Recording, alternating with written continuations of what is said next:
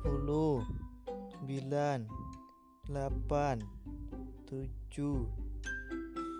kelamaan ya. Ya udah langsung mulai aja ya. Mulai.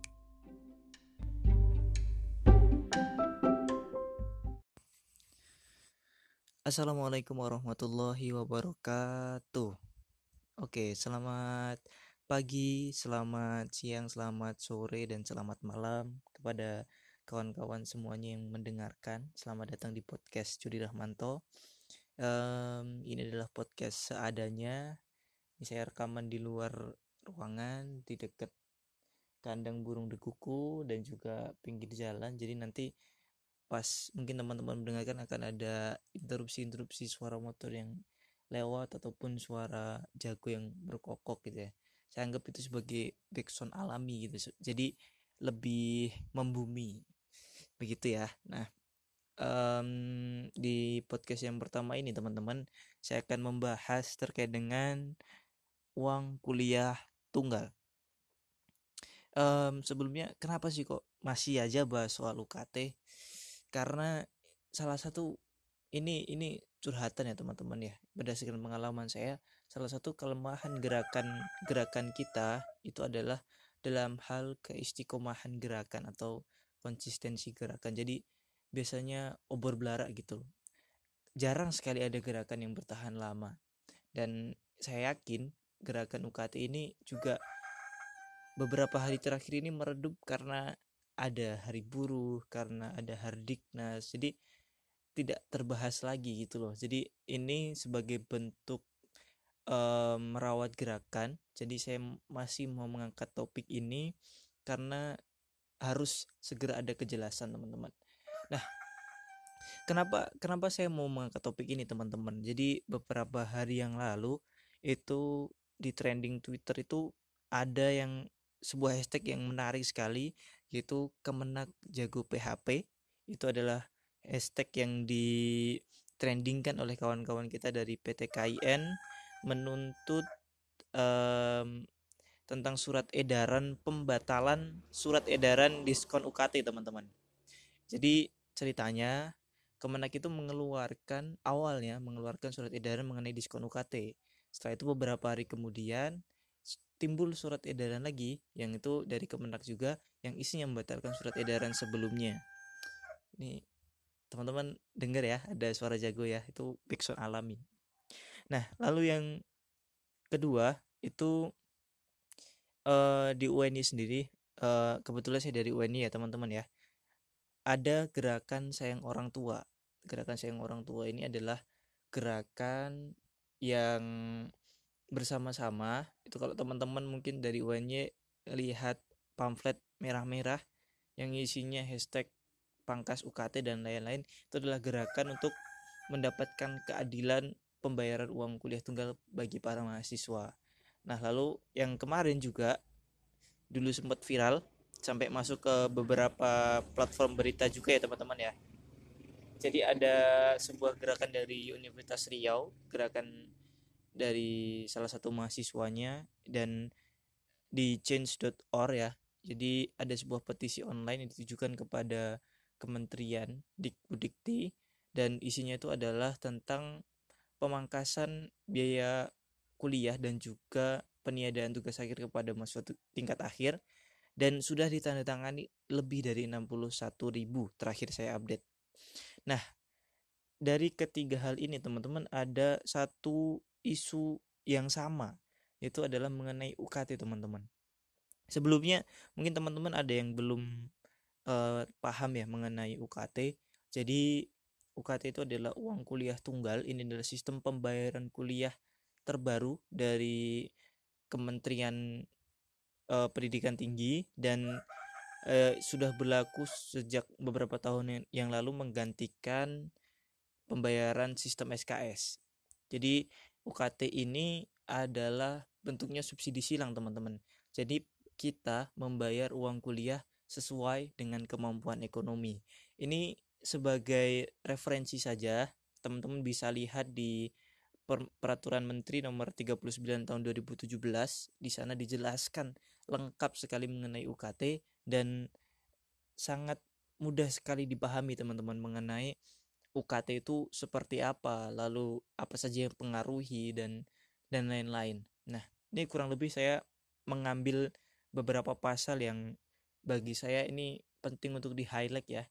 Ada pasal 1 ayat 5 yaitu isinya mengenai definisi UKT. Jadi uang kuliah tunggal itu disesuaikan berdasarkan kebutuhan ekonomi, berdasarkan kemampuan ekonomi maksudnya. Nah, e, nanti untuk lengkapnya teman-teman bisa baca di Permen nomor 39 tahun 2017 ya. Nah, saya akan uh, menjelaskan dalam hal garis besarnya saja. Nah, uh, di pasal 1 ayat 5 itu dijelaskan gamblang sekali bahwasanya pembayarannya disesuaikan berdasarkan kemampuan ekonomi. Nah, lalu yang pengaruhi UKT tidak cuma kemampuan ekonomi dari mahasiswa dan juga uh, orang tua ataupun walinya ya, tapi juga ada yang namanya BKT. Ini jelaskan di pasal 2 ayat 1. Dan BKT itu apa? Dan bedanya sama UKT itu apa? Jadi BKT itu adalah biaya kuliah tunggal. Ini adalah biaya operasional yang dibutuhkan per mahasiswa per semester yang di mana tiap prodinya itu berbeda-beda, tiap kampusnya berbeda-beda. Ada e, kalau teman-teman mendapatkan fasilitas listrik, air, gedung, terus alat-alat praktik dan lain-lain tentu itu bukan suatu hal yang bisa dibilang gratis ya. Itu adalah biaya kuliah kita selama satu semester dan itu berbeda-beda. Nah saya ambil contoh di UNY jadi BKT di UNY itu yang termurah mulai dari sekitar 5 atau 6 jutaan sampai yang yang paling mahal itu sekitar 14 jutaan teman-teman per mahasiswa per semester dan itu berbeda-beda tiap prodinya Nah, jadi dari kurang lebih ada dua hal tersebut. Ini adalah dua terutama yang pengaruhi penentuan UKT adalah ekonomi dari mahasiswa ataupun orang tua ataupun walinya. Lalu yang kedua adalah mengenai biaya kuliah tunggalnya. Makanya ada golongan-golongan UKT itu teman-teman. Nah, golongan UKT ini biasanya ada delapan. Biasanya ada delapan golongan mulai dari golongan 1 sampai golongan 8 yang di mana itu meningkat maksud saya uh, golongan satu tuh yang termurah sampai yang golongan 8 itu yang paling mahal teman-teman nah mengenai UKT dan BKT ini yang menentukan siapa ini adalah yang mengusulkan dari masing-masing kampus dan juga disetujui oleh menterinya seperti itu jadi usul dulu baru nanti e, dari kementerian menyetujui atau tidak seperti itu nah selanjutnya teman-teman mengenai golongan tadi ya. Jadi karena biaya kuliah tunggal tiap kampus itu berbeda dan juga um, kebutuhannya berbeda, maka ada golongan UKT di masing-masing kampus itu juga berbeda. Bisa jadi golongan satu di satu kampus dengan golongan satu di kampus lain itu berbeda. Nah, saya ambil di UNY, golongan satu itu 500 ribu teman-teman. Sampai golongan yang paling mahal di teknik itu 6 juta 350 kalau tidak salah nanti semuanya bisa dicek di website ya website UNY dan itu lengkap semua informasinya gamblang semua di sana nah itu sekilas tentang UKT jadi yang perlu di highlight bahwasanya UKT ini menyesuaikan kemampuan ekonomi mahasiswa orang tua ataupun walinya. Nah masalahnya teman-teman eh, dengan adanya pandemi corona ini ini membuat aktivitas perkuliahan itu tidak seperti biasanya teman-teman. Yang di mana biasanya kita kuliah itu bertatap muka secara langsung mendapatkan fasilitas yang ada itu secara langsung. Nah ini tidak bisa karena ada pandemi. Nah otomatis banyak hal yang berubah dan dan tentu ini mempengaruhi juga terkait dengan fasilitas yang kita dapatkan teman-teman. Yang tadinya kita bisa praktek sekarang nggak bisa praktek. Yang tadinya kita harus bertatap muka sekarang harus via daring.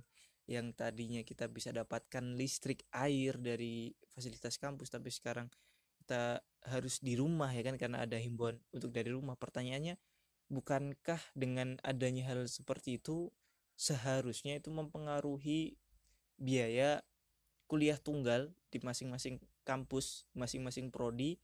Karena bahan praktek tentu tidak dipakai listrik tentunya berkurang banyak setelah itu air juga tidak terpakai banyak gitu kan. Paling-paling itu adalah biaya maintenance dan uh, biaya operasional yang masih berjalan gitu loh. Yang yang di mana itu dijalankan oleh uh, tata usahanya. Tapi mahasiswa sebagai pengguna terbanyaknya sekarang sudah tidak ada di kampus gitu loh pada itu faktor pertama yang perlu dipertanyakan adalah dengan adanya pandemi ini dengan adanya kuliah dari rumah ini bukankah ini mempengaruhi biaya kuliah tunggal kita di semester ini dan juga semester depan karena belum kita belum tahu ya pandeminya sampai kapan gitu loh.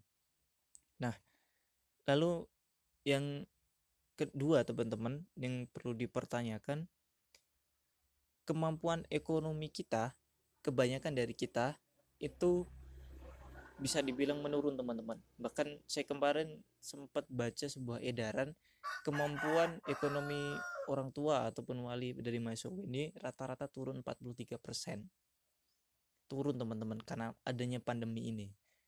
Tapi masalahnya apakah dari pihak birokrasi itu mau untuk menurunkan UKT mahasiswa juga dengan dengan adanya penurunan penurunan pendapatan ini. Nah, kita lihat faktor-faktor apa sih yang sebenarnya menjadikan alasan birokrasi itu mau menurunkan UKT mahasiswa. Jadi ini masih sama setiap tahunnya.